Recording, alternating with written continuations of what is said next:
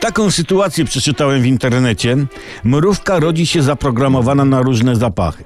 Jeśli coś pachnie jak kwas olejnowy, oznacza to, że to jest trup innej mrówki i trzeba go wynieść na najbliższy, określmy to taki cmentarz mrówek. I w ramach eksperymentu naukowcy oblali kilka żywych mrówek takim kwasem olejnowym.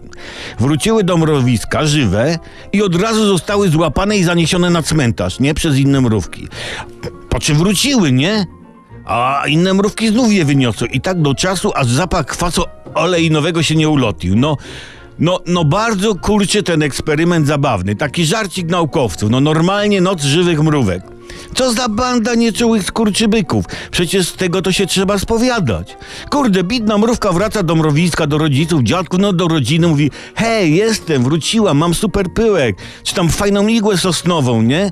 A inne mrówki bach ją za fraki i wbijają z nią na cmentarz.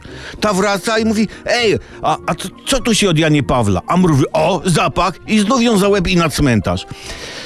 Kurczę, dobrze, że mrówki nie mają skomplikowanych rytuałów pogrzebowych. Nie wiem, że nie palą zwłok, nie wrzucają do gangesu, nie bo przez ten eksperyment pseudonaukowy mielibyśmy do czynienia ze zbiorowym morderstwem mrówek na mrówka. Sami się gnojki naukowcy spryskajcie tym kwasem, to was mrówki pochowają. Jeden tylko może wyniknąć plus z tego eksperymentu, bo tak, spryskasz tym kwasem olejnowym śmieci w domu, to mrówki faraona te śmieci może wyniosą. Oczywiście, jak im faraon pozwoli.